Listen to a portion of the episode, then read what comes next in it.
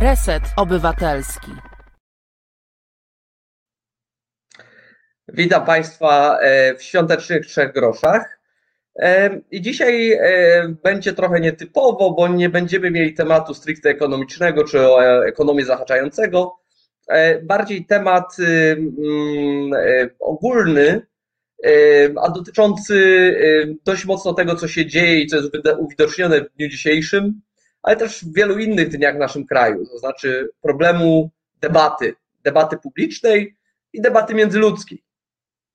Dlaczego ja ten temat podnoszę? Dlatego, że jest to temat mi bardzo bliski osobiście. Ja zajmuję się, czy zajmowałem się debatami od bardzo, bardzo dawna. E, e, przede wszystkim w formule edukacyjnej. To znaczy, ja miałem szczęście dawno, dawno temu znaleźć się w programie debat e, szkolnych jeszcze w, w trakcie liceum, kiedy to złapałem bakcyla debatowania, który mnie poprowadził w bardzo wiele ciekawych miejsc i i pozwolił mi spotkać bardzo wielu ciekawych ludzi. E, wydarzenia debatowe i samo debatowanie to jedno z ciekawszych przygód, jakie spotkało mnie w życiu i od czasu, kiedy e, e, te debaty się rozpoczęły. Brałem udział w setkach debat, a sędziowałem kolejne setki ku wielkiej uciesze i wielkiej radości. idea debatowania jako formalnego działania jest y, zupełnie nie nowa i przede wszystkim narodziła się w krajach anglosaskich. E, tam e, drużyny debatowe są, e, są gwiazdami uniwersytetów czy, czy liceów, które są taką wizytówką, a sukcesy debatar, debatanckie no, stanowią przyczynek do wielkiej chluby szkół. Jest to działanie bardzo prestiżowe i, i bardzo zorganizowane, mające na celu e, rozwinąć w młodzieży bardzo dużo różnych umiejętności, związanych oczywiście z przebawianiem publicznym, ale przede wszystkim z umiejętnością krytycznego myślenia, z umiejętnością odrywania się od e, własnego stanowiska i spojrzenia na rzecz jednostronnie. Dlaczego? No dlatego, że temat debaty, który pojawia się i stoi przed studentami, E, muszą oni do, przygotować się do tej debaty z obu stron, to znaczy oni często nie wiedzą, czy będą bronili danej tezy, czy też będą ją atakowali. W związku z tym muszą przygotować się zarówno do jej obrony, jak i do ataku. A rozmawiamy przeważnie o tematach, które są nieproste nie, nie, nie i z którymi jesteśmy psychologicznie związani często. Często tematami trudnymi, takimi jak aborcja, eutanazja, Y, y, medycyna, etyka, y, przeróżne rzeczy, co do których ludzie mają bardzo ugruntowane poglądy. Ale nawet jeśli te poglądy mają ugruntowane, nawet jeśli są bardzo silne, szczególnie u ludzi młodych, e, to debata zmusza ich do tego, aby na chwilę odstawić swoje przekonania i postawić się w butach drugiej osoby, która może mieć pogląd zupełnie przeciwny. I samemu na poważnie znaleźć argumenty, które w drugą stronę są w stanie ten y, obraz y, pokazać. Nie do końca zawsze prowadzi to, czy rzadko to prowadzi do tego, że ktoś swoje własne poglądy zmienia. Bo własnych poglądów zmienia, własne poglądy zmienia się bardzo rzadko, ale daje bardzo ważną rzecz perspektywę. Perspektywę na to, że ktoś może mieć inny pogląd i że może mieć dobre argumenty na uzasadnienie tego poglądu. I to jest podstawa debaty. Wyjście do drugiej strony z przekonaniem, że ja uważam, że mam rację, ale jestem otwarty na Twoje argumenty, wiem, że je masz, jestem gotów z nimi polemizować, spróbować je osłabiać i Cię przekonywać. Ale zarówno jak ja jestem w stanie i chcę Ciebie przekonać, tak z drugiej strony jestem otwarty na to, że Ty możesz mieć dobry argument i możesz spróbować przekonać mnie. To powoduje pojawienie się platformy porozumienia, gdzie można wymieniać te poglądy, nawet jeśli zostaje się przy poglądach swoich. E, e, pani Anna Grytam, że to wychowanie symetrysty. Nie. E, ja symetrystą nie jestem w żadnym zakresie, natomiast to, co mi debata dała, to zrozumienie, że inny pogląd istnieje i że ma on swoje uzasadnienie. I to jest rzecz bardzo, bardzo istotna. Także to nie chodzi o to, żeby ze swoich e, poglądów rezygnować, czy powiedzieć, że prawda jest pośrodku. Nie, prawda nie jest pośrodku, prawda jest tam, gdzie jest. Ale uczy ona szacunku i rozmowy o tym, jak, jak rozmawiać z kimś o innych poglądach. O tym, że my możemy o swoich poglądach porozmawiać na spokojnie, kulturalnie i nawet na koniec nauczyć się, że my się ze sobą nie zgadzamy, zgodzić się z tym, że się nie zgadzamy ze sobą, ale rozejść się w szacunku i w trochę głębszym zrozumieniu drugiej strony. To jest coś, co mm, dzisiaj wydaje się być niemożliwe.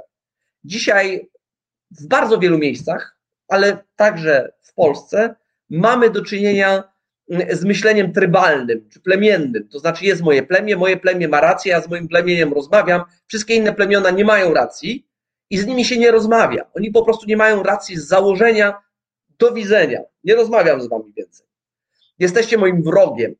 Tak? Nie, ma, nie ma szacunku e, i nie ma e, e, tutaj wewnętrznej rozmowy. O tym, jak to wygląda w różnych miejscach, będziemy rozmawiać później z naszym gościem, z panem Marcinem Zaleskim, wieloletnim działaczem debatowym na poziomie międzynarodowym, wieloletnim dyrektorem International Debate Association.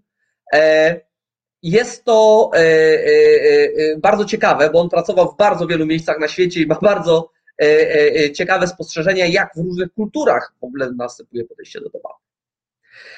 To, co chcę Państwu przekazać dzisiaj, to jest to, że na tym etapie, że te debaty, które się odbywają na poziomie szkolnym, które nas uczą tych umiejętności, występują w różnych odmianach. Mm, takie główne dwie odmiany debat to są odmiany, odmiana value debate, czyli debaty o wartościach i policy debate, czyli debata o politykach.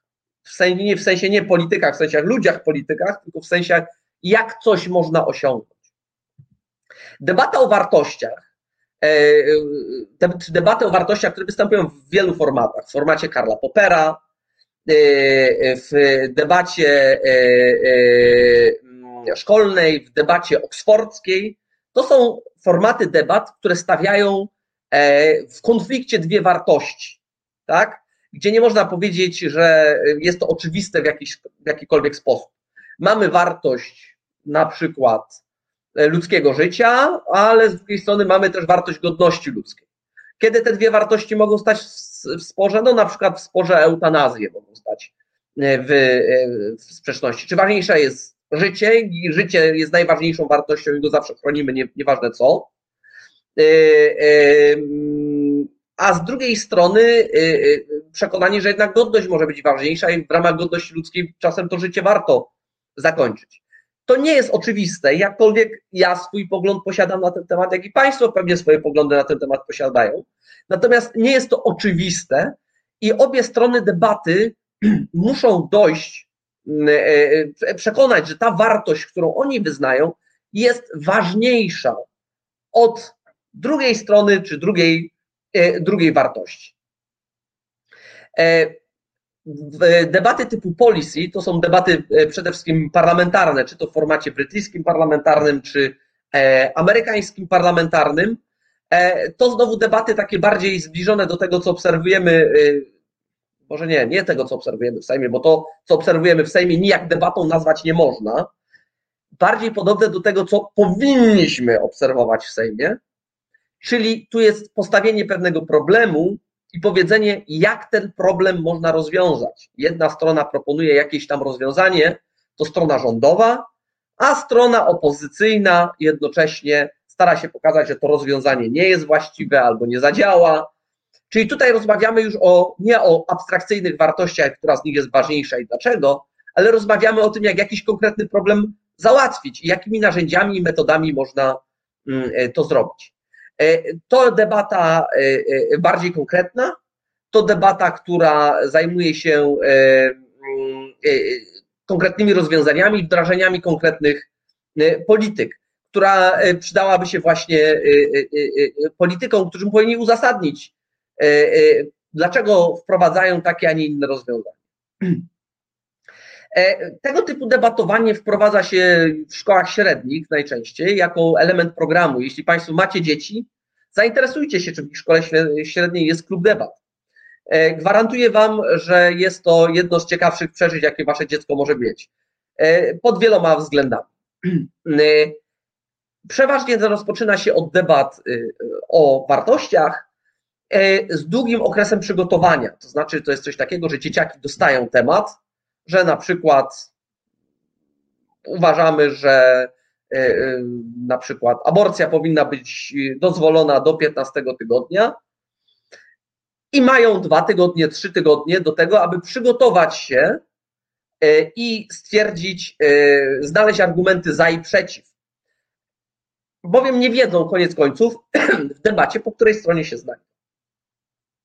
E, debaty typu policy częściej pojawiają się już później na studiach i mają taką właściwość, że najczęściej temat debaty jest podawany debatantom na 15-20 minut przed rozpoczęciem debaty. To wymaga od debatantów wcześniejszych doświadczeń, ale także olbrzymiego zasobu wiedzy ogólnej. To znaczy, mając tylko 15 minut na przygotowanie się, ja muszę czerpać z mojej wiedzy, z mojej głowy, z moich pomysłów, oczywiście posiłkując się potencjalnie internetem, ale jednocześnie no musimy myśleć o tym, na bieżąco wskoczyć w tą debatę i zaproponować coś ciekawego. To oczywiście wymaga od nas już umiejętności wcześniejszych debatowania, ale także, tak jak mówię, olbrzymiej wiedzy ogólnej. Dlatego debaty jako takie gromadzą erudytów, ludzi z poglądami y, przeróżnymi, y, y, ukierunkowanymi. Najciekawsze debaty na, na eventach debatowych to nie były w trakcie debat, tylko przeważnie na piwie po debatach, rozmawiając z tymi ludźmi przez całą noc o przeróżnych tematach, ich pomysłach, ich przemyśleniach niezwykle rozwijające i niezwykle też dające możliwości networkingowe na, na lata, lata do przodu. E, e, nie ukrywam, że część gości, których Państwo widzieli w trzech groszach, to byli ludzie, których spotkałem kiedyś dawno, dawno temu e, na mojej drodze debatarskiej, debatanckiej. Niestety te programy debat nie są tak rozpowszechnione, jak były kiedyś. W chwili obecnej mamy dwie takie główne organizacje, które zajmują się debatami jako, e, e, e, jako takimi. Jednym jest AMPD, czyli Akademickie Mistrzostwa mm, Debat Oksfordzkich, które organizują Mistrzostwa Polskich Debat Oksfordzkich, jak się łatwo domyśleć.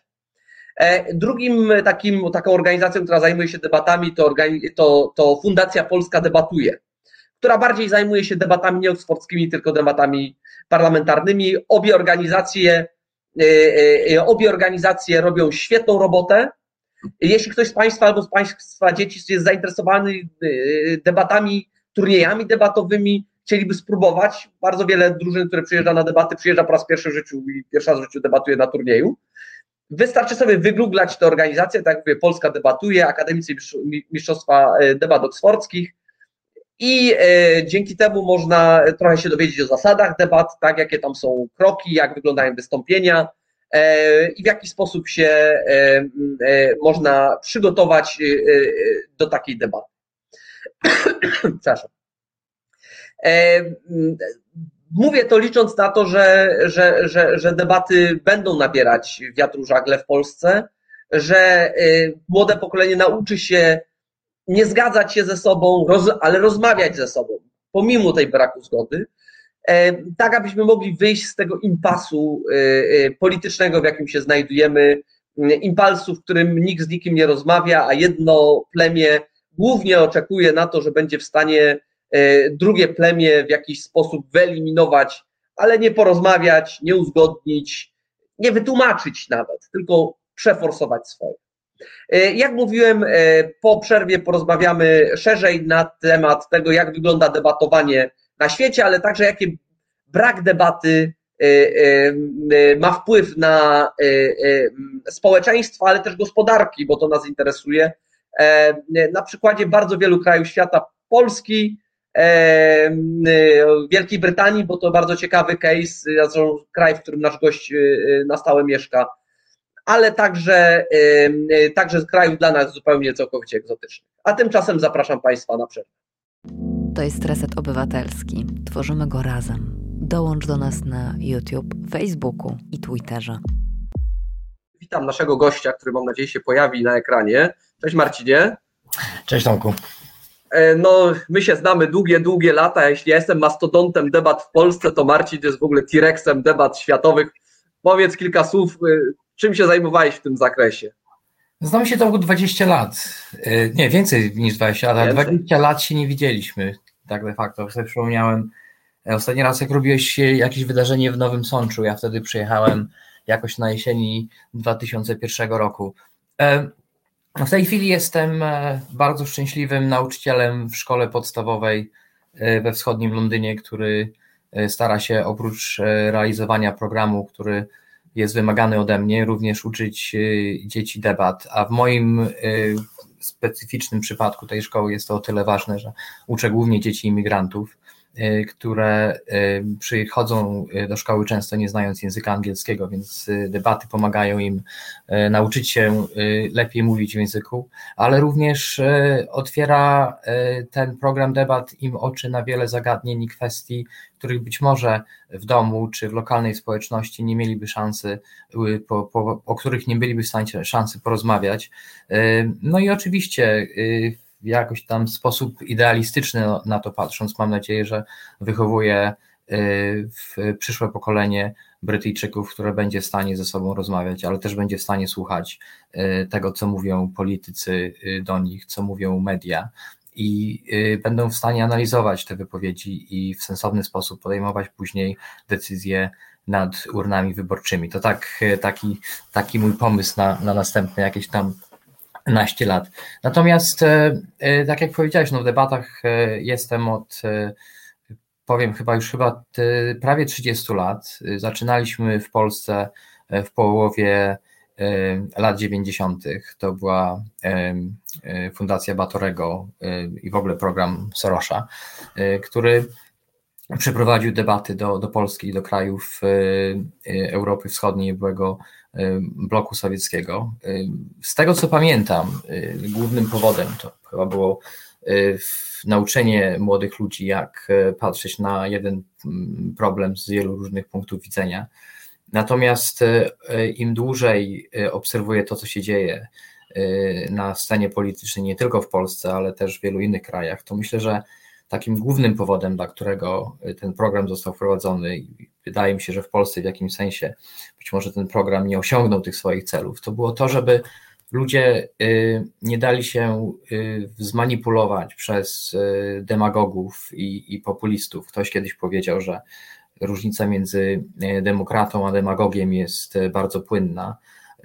I debaty poza tym, że uczą krytycznego myślenia i wypowiedzi, to też uczą krytycznego myślenia i słuchania.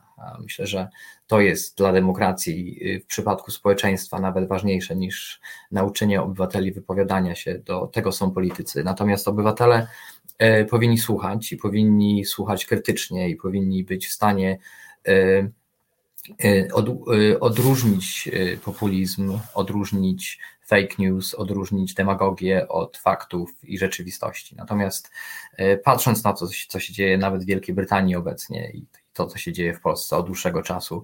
Myślę, że w jakiś sposób te, te programy nie osiągnęły tego celu. Społeczeństwa nie osiągnęły tego celu, no, ale to jest, to jest już inna kwestia. Ja ci, powiem, ja ci powiem, że dla mnie kwestia krytycznego myślenia o cudzych wypowiedziach to jest niewątpliwie jakiś plus debatowania, ale osobiście dla mnie to, co było najcenniejsze, to było wgląd w siebie.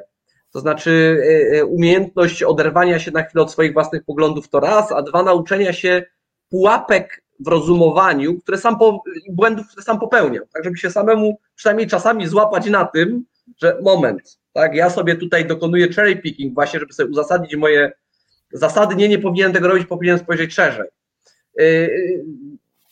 Yy, więc wydaje mi się, że to jest nawet jeszcze więcej niż to, co mówisz. Znaczy, to, jest, to jest też umiejętność, yy, nie wiem, krytycznego spojrzenia nie tylko na innych, ale też na siebie. To, to było dla mnie bardzo cenne w tych, w programie. Całkowicie z tobą. Ja, ja nie wiem tylko, czy w moim przypadku y, ta umiejętność, którą osiągnąłem, podobnie jak ty, czy powinienem tą umiejętność y, y, zwalić na karby mojego wieku, y, bo myślę, że im człowiek staje się starszy, tym jest bardziej nabiera dystansu do siebie samego i życia i tego, co nas otacza, czy też y, tej umiejętności krytycznego myślenia. Y, ja myślę, że wiele osób ma problemy z zmianą zdania na różne kwestie szczególnie na kwestie, które są w jakiś sposób ważne. Mówiłeś w swoim wystąpieniu wcześniej o, o debatach na temat wartości. My często okopujemy się w, w ramach jakiegoś tam systemu wartości i potrafimy tylko na świat spojrzeć E, z perspektywy tego systemu. Natomiast e, ja w swoim życiu kilkakrotnie zmieniałem punkt widzenia na tematy wartości.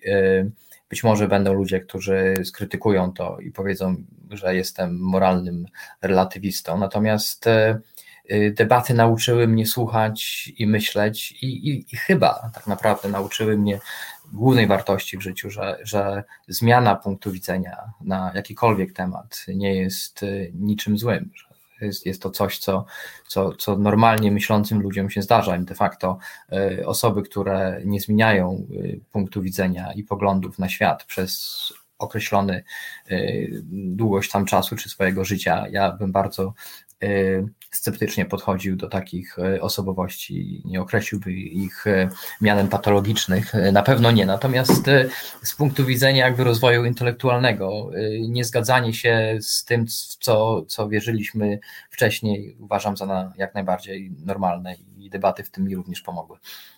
Ale politykowi nie wolno, prawda? Na Stanach się na taki mówi flip-flop, prawda, że że zmienia opinię, jak zmieni opinię na dowolny temat, to mu się wyciąga przez najbliższe 40 lat. To jest bardzo dziwne, bo dla mnie osoba, która zmieniła opinię pod wpływem faktów, zasługuje na szacunek, a nie na potępienie. To jest jakby zupełnie inna para kaloszy. Zgadzam się, natomiast polity, polityka rządzi się niestety zupełnie innymi prawami, jak wiesz, i to obserwujemy na co dzień i w Polsce, i za granicą. Y, natomiast y, są przypadki, gdzie, gdzie zmiana decyzji przez, przez polityka często jest postrzegana y, pozytywnie. Jest to głównie chyba spowodowane takim dosyć y, prymitywnym patrzeniem na polityka jako człowieka również. To znaczy, jeżeli polityk jest w stanie przyznać się do błędu, że popełniłem błąd, zrozumiałem, zmieniłem zdanie, teraz mamy więcej informacji na dany temat i mój punkt widzenia się przez to zmienił, e, staje się tam jakoś nam bliższy. Wystarczy, to jest dosyć, dosyć da, da, da, przykład historyczny w tym momencie już, ale e, jedną z rzeczy, które uratowały e, Kennedy'ego po nieudanym, nieudanej inwazji na, na Kubę. To było się oficjalne przyznanie do, do narodu, dla narodu amerykańskiego, że popełniłem błąd i to była pomyłka. Więc e, e, niekoniecznie to tak jest. Ja myślę, że, że politycy powinni dosyć częściej e, korzystać z tego doświadczenia i przyznawać się otwarcie do zmiany pozycji. Myślę, że wielu wyborców byłoby im to w stanie wybaczyć. To, to, chyba idzie głębiej. Ja ci powiem, patrząc na na przykład, teraz mówię polską, ale pewnie podejrzewam, że problem jest podobny gdzie indziej. Politykę dotyczącą e, reakcji na pandemię. E, na początku pandemii no, podjęto pewne decyzje. Każdy kraj musiał podjąć jakieś decyzje. Zasób informacyjny do podjęcia tych decyzji był bardzo skromny, no bo nic nie wiedzieliśmy praktycznie o tym wirusie. Tak? Jedni podjęli jedne decyzje, drudzy drugie, właściwie wszyscy w ślepo.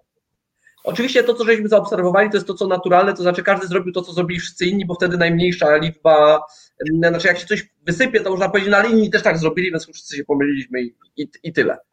Natomiast teraz jesteśmy, nie wiem, półtora roku w pandemii i już z grubsza wiemy, że pewne rzeczy działają, a pewne rzeczy nie działają, bo mamy badania naukowe na przykład, prawda? I nie widać tej refleksji, że bo nie, nie, nie, nie widzę coś takiego powiedzenia, ok, podjęliśmy tamtą decyzję, ona się okazała błędna i dzisiaj wiemy, bo przyszły nowe informacje, że jest błędna. Zmieniamy to, no bo to nie działa, nie wiem, maseczki czy coś tam jeszcze innego dają bardzo niewiele, to może sobie darujmy. Nie, nie, to się będą trzymać y, tej decyzji bezkrytycznie do nadal, bo nie mogę się przyznać do błędu, że to była pomyłka. Nawet jeśli obiektywnie w momencie podejmowania tej decyzji no ta decyzja wydawała się słuszna, no bo takie informacje mieliśmy, jakie mieliśmy. Czy, czy, czy, czy ja, ja, o tym myślę na przykład w, w, kontekście Brexitu, tak? Czy, czy, czy komuś przychodzi na przykład w UK do, do, do głowy powiedzenie, ok, ja byłem za Brexitem y, tam w 2008 czy którymś tam jeszcze innym, bo mi się wydawało, że będzie dobrze, ale dzisiaj mam nowe informacje i widzę, że się pomyliłem. Czy, czy, czy taka na przykład refleksja się znajduje? Czy... Jak najbardziej. Natomiast e, nie znajdziesz tej refleksji wśród polityków. Ja nie słyszałem żadnego e, z polityków e, który promował swoim nazwiskiem Brexit, takiej wypowiedzi. To znaczy, wśród obywateli, którzy dzwonią do różnych mm, audycji, czy są z nimi robione wywiady, bardzo często się zdarza, że y, przyznają się, że tak, głosowałem na, za Brexitem i teraz tego bardzo żałuję. Natomiast y, żaden z y, brytyjskich fundatorów tej filozofii i, i, i tej konkretnej decyzji do tego się nie przyznał. Natomiast Oczywiście są różne spekulacje i praca na ten temat spekuluje. Ja y, myślę, że y, wielu z nich, y, gdyby tak naprawdę z nimi porozmawiać, jak powiedziałeś, przy piwie, to by zgodzili się z tym, że Brexit był pomyłką. Natomiast publicznie tego nie zrobią i nie zrobią tego jeszcze przez długi czas, dlatego że podejrzewam, byłoby to w ich przypadku samobójstwem politycznym. W ogóle, jeżeli już mówimy o Brexicie, w tej chwili Wielkiej Brytanii dosyć mało się mówi na temat Brexitu. I to jest, to jest dla mnie zaskakująca rzecz. Natomiast są pewne, są pewne wytłumaczenia tej, tego fenomenu, dlaczego w Wielkiej Brytanii przestało się mówić nad, na temat właśnie słowa zaczynającego się na B. Zwykłe zmęczenie materiału, ludzie mają po prostu dosyć i, i, i chcieliby jakby iść do przodu. E, wydaje mi się, że też jest e, coś, co się określa w języku angielskim jako affective e, polarization. To jest, nie wiem nawet jak, jak przetłumaczyć ten, ten termin na język polski, więc może wytłumaczę. Sprowadza się to do tego, że w przypadku takiej e, decyzji jak Brexit, czy takiej może nawet filozofii jak Brexit, e, percepcja tego, co się dzieje obecnie w ekonomii i w kraju w Wielkiej Brytanii, jest bezpośrednio związana z tym, jak dany człowiek głosował. Czyli na przykład, jeżeli ja głosowałem za tym, żeby Wielka Brytania pozostała w Unii Europejskiej, to moja percepcja rzeczywistości będzie w tym momencie powiązana z moją decyzją y, przy, Unii, przy, przy urnie wybor, wyborczej w 2016 roku. Będę mówił, że y, brak paliwa jest związany z Brexitem. Będę mówił, że y, brak y, produktów jest związany z Brexitem.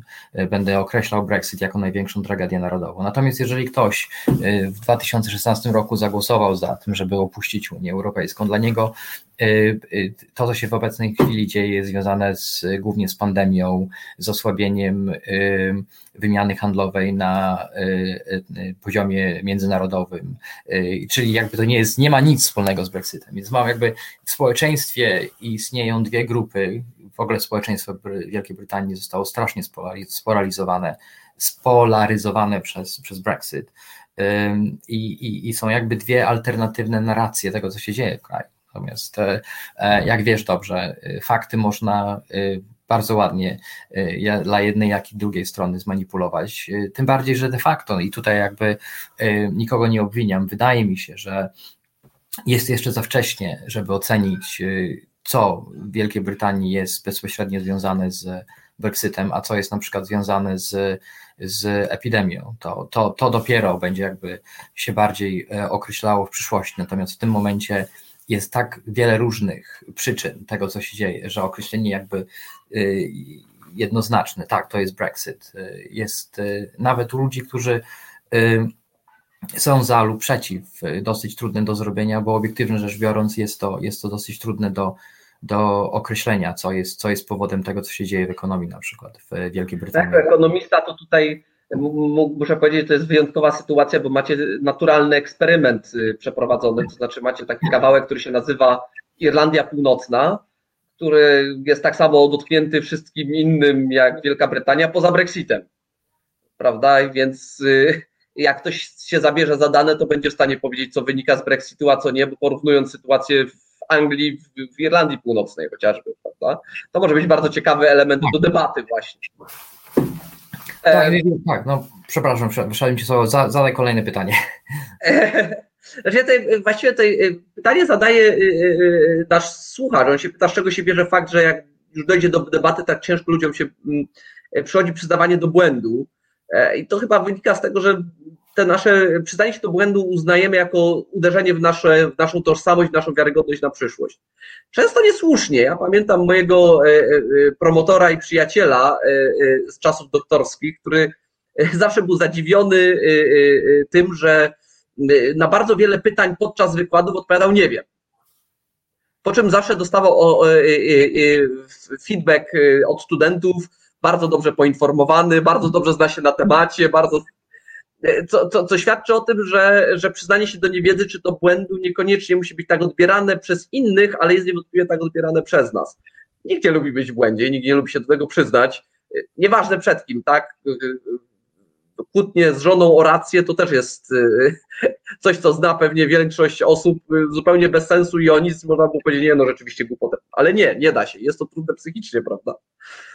A rozmawiając o podejściu psychologicznym, ty pracowałeś pod kątem debat na świecie w bardzo wielu miejscach, tak? I e, my postrzegamy debatę jako coś, co powinno być naturalne i pozytywne. Czy wszędzie tak podejście do debat wygląda, czy, czy, czy one tak, tak są odbierane jako takie konstruktywne i tak powinno to wyglądać, czy jednak niekoniecznie?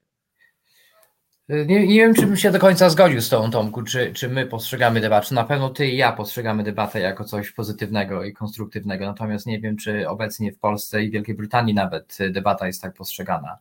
Natomiast e, są kraje, kraje, kraje w których ja pracowałem, e, gdzie e, debata jeszcze powiedzmy sobie 10 czy 15 lat temu była postrzegana jako coś, coś niebezpiecznego. I na, ja nawet nie mówię o krajach, które były wtedy krajami totalitarnymi, bo y, oczywiście y, debata i system totalitarny y, w parze nie idą. Debata jest podstawą demokracji. Każdy zamordysta boi się debaty, dlatego że debata zezwala na krytykę, a populista i władca autorytarny tego się najbardziej obawia.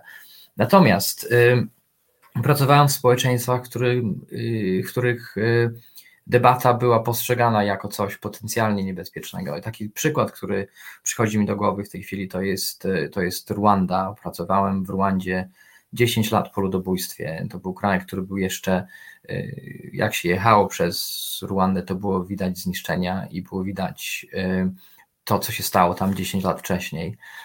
I, i spędziłem dnie i noce rozmawiając z moimi przyjaciółmi w Rwandzie jak oni patrzą na debaty. I oni patrzyli na nie pozytywnie, no inaczej by mnie nie zapraszali na, na szkolenia i nie zapraszaliby mnie do szkół.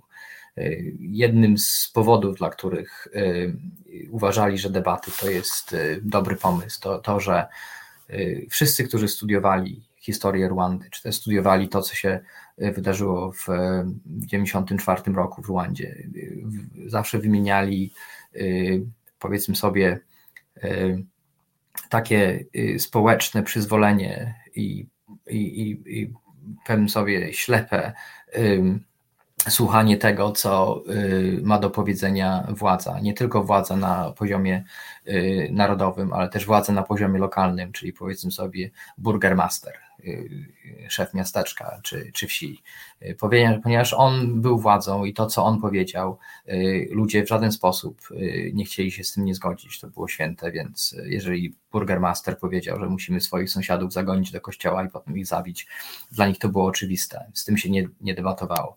Więc program debat wprowadziliśmy do Ruandy po to, żeby między innymi doprowadzić do tego, żeby młodzież w tym kraju zaczęła myśleć niezale, niezależnie od tego, co im mówią politycy, żeby byli w stanie kiedyś tam w przyszłości y, myśleć samodzielnie i podjąć decyzje samodzielnie.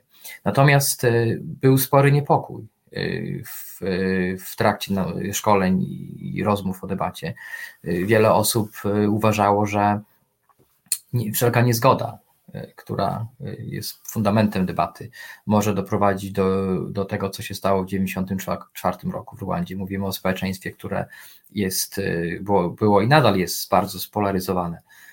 W społeczeństwie, w którym była obawa realna wtedy i podejrzewam, że do dzisiaj, że każda forma argumentu, czy jakakolwiek forma konfrontacji między jednym politykiem a drugim, czy osobą o innych poglądach może doprowadzić do tego, że nastąpi y, eskalacja przemocy i, i skończy się to tragicznie dla całej społeczności. Więc wprowadzaliśmy te debaty, natomiast wprowadzaliśmy te debaty bardzo, bardzo ostrożnie i, i mając pełną świadomość tego, jaka jest historia kraju i, i, i jak ludzie oceniają to, co robimy, więc z tego co wiem, a jestem w kontakcie z Y, ludźmi, których ja szkoliłem. Oni w tej chwili szkolą innych w Rwandzie i w Rwandzie w tej chwili funkcjonuje rewelacyjnie program debat szkolnych. Jest również na uniwersytecie i młodzież rwandyjska bierze udział w debatach y, szkolnych i w debatach międzynarodowych i tak dalej. Natomiast z tego, co czytam w prasie i francuskojęzycznej i angielskojęzycznej, w Rwandzie nadal jako społeczeństwie jest duża rezerwa i obawa przed konfrontacją słowną.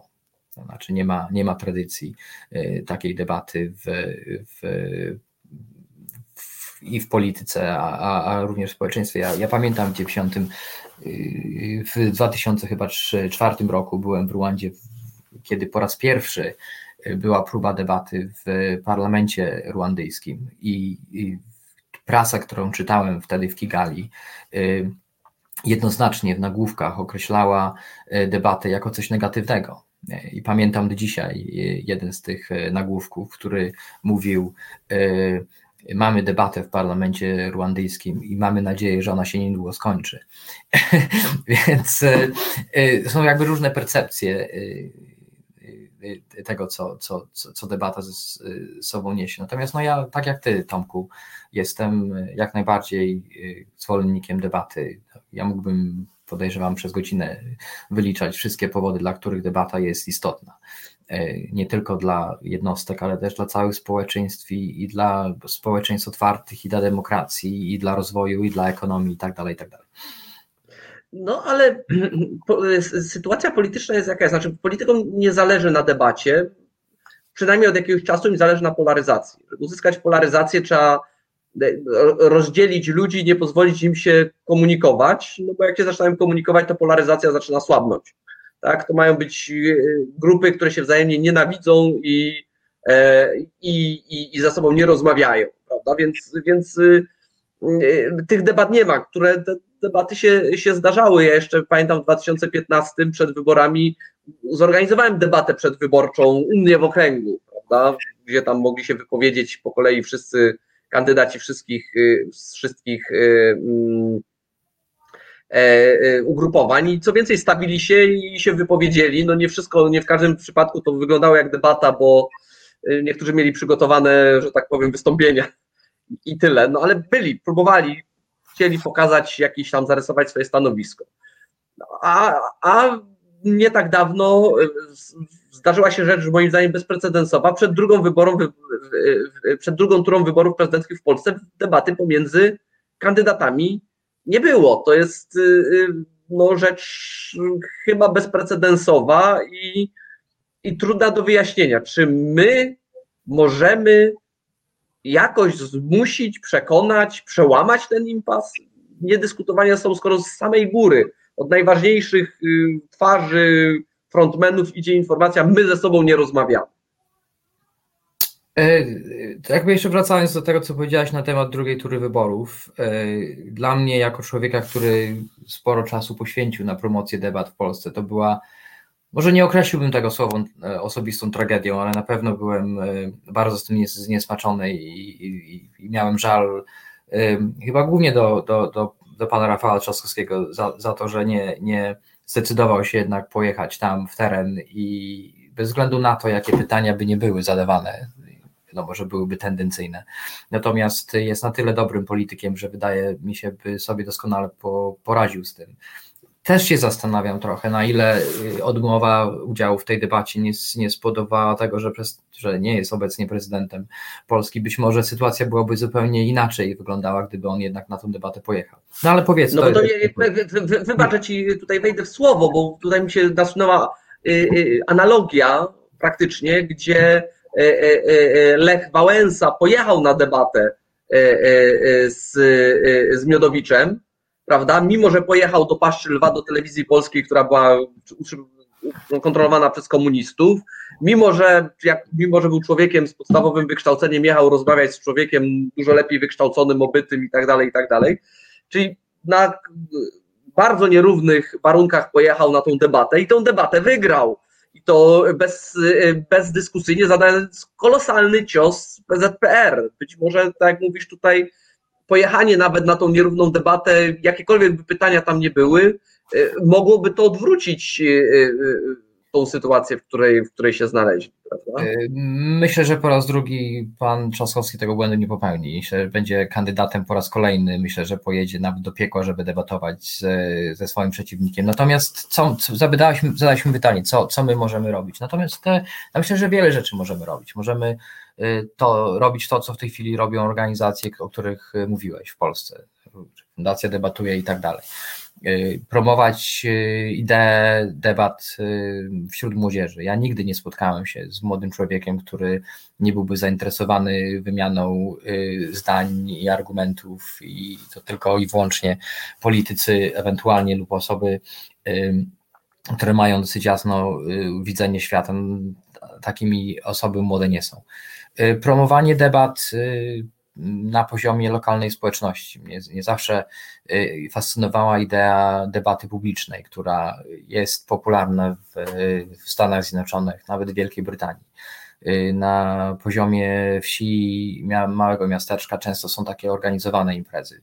W Polsce być może mogły być organizowane w bibliotekach, w Haiti na przykład, y, w bibliotekach, które jeździły po kraju, bo biblioteką były ciężarówki, które przewoziły książki z jednej wsi w Haiti do drugiej. E, w tej ciężarówce jechała grupa młodych ludzi, która wysiadała razem z książkami i robiła publiczną debatę i rozmawiała z ludźmi.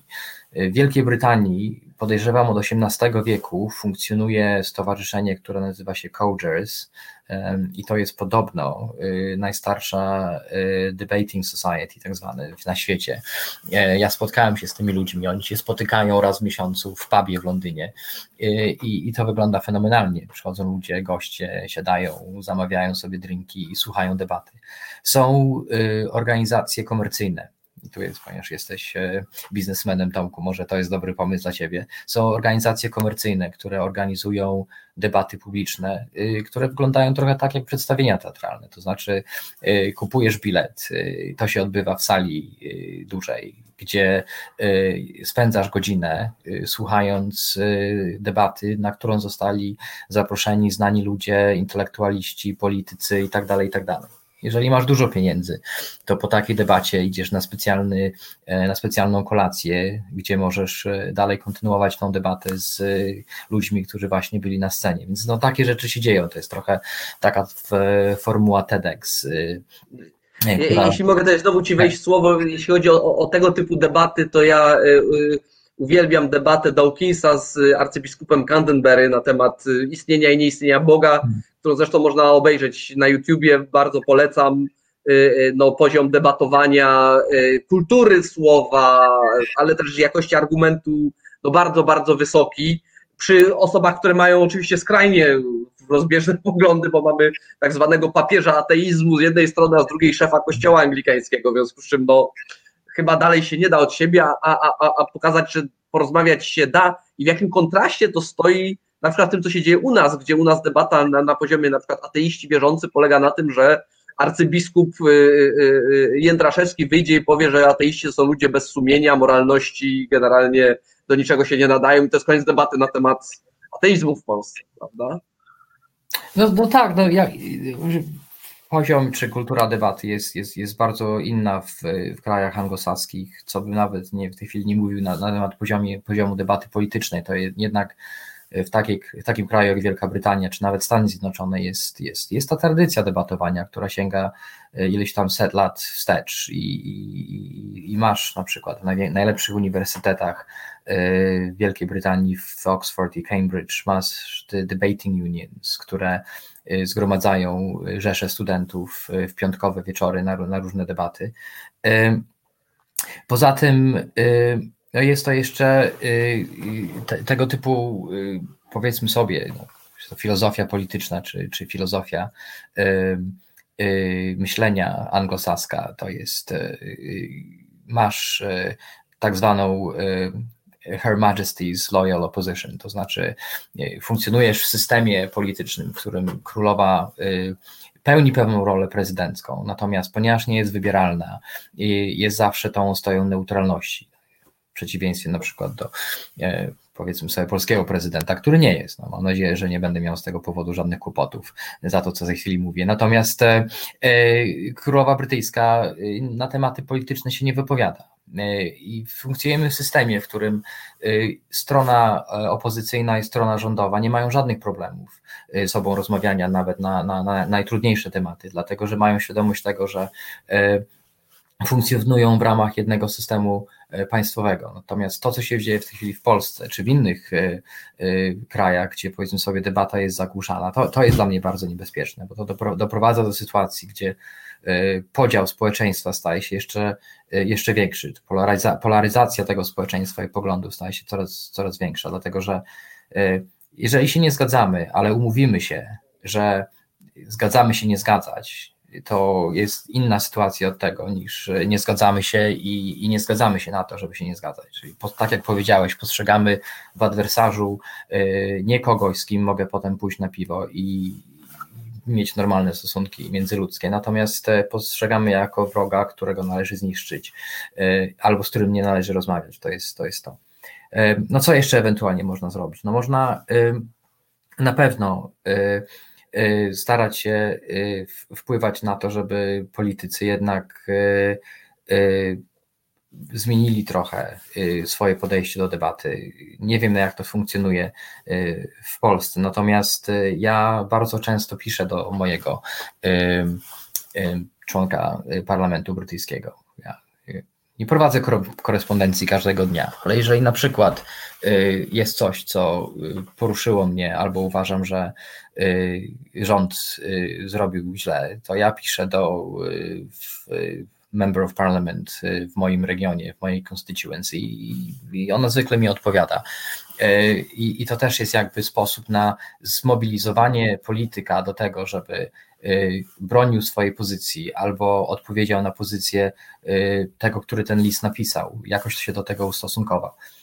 Politycy od pewnego czasu już, to też zauważam w Wielkiej Brytanii, bardzo niechętnie przyjeżdżają na debaty, dlatego że debata zawsze się wiąże z tym, że polityk będzie musiał być postawiony w dosyć niewygodnej pozycji, bycia atakowanym. Politycy tego nie lubią, żaden polityk tego nie lubi. Polityk lubi stanąć przed masą ludzi i, i wygłaszać przemówienia na temat tego, jak wspaniały będzie kraj, jeżeli politycy pozostaną u władzy. Natomiast e, bardzo nie lubią, kiedy zadaje im się niewygodne pytania. Zresztą to było doskonale widać na przykład w przypadku e, Trumpa i jego konferencji prasowych, gdzie niewygodne pytania były wyłączane, albo ci, którzy zadawali niewygodne pytania, byli wypraszani z sali. Był śmiech z demokracji. Natomiast e, to, to, też jest to, co, co ewentualnie możemy zrobić, e, żeby ten, ten poziom debaty e, podwyższyć. A myślę, że też na, jakby na takim poziomie bardzo ludzkim rozmawiać ze sobą. Ja bardzo często debatuję ze, swoją małżonką, y, nie tylko na tematy związane z domem, ale też na tematy polityczne i na tematy y, gospodarcze i tak dalej. Bardzo często się nie zgadzamy. Ona jest y, z wykształcenia i profesjonalnie prawnikiem, więc bardzo często dostaje po głowie, dlatego że ona zawodowo wykłóca się. Ja nie, ja jestem nauczycielem i trochę inaczej ta dynamika wygląda naszej dyskusji. Natomiast to też jest to też jest dowód na to, że, że w tej samej rodzinie można mieć różne poglądy i można się nie zgadzać na wiele kwestii politycznych, ale ten dialog, ta debata cały czas może się odbywać. E, no i ja cię, zapytam, ja cię zapytam tutaj o jedną poradę, tak? E, tutaj chciałem powiedzieć, trafiła kosa na kamień jeszcze co do Twojego stwierdzenia odnośnie e, Melisy i Ciebie.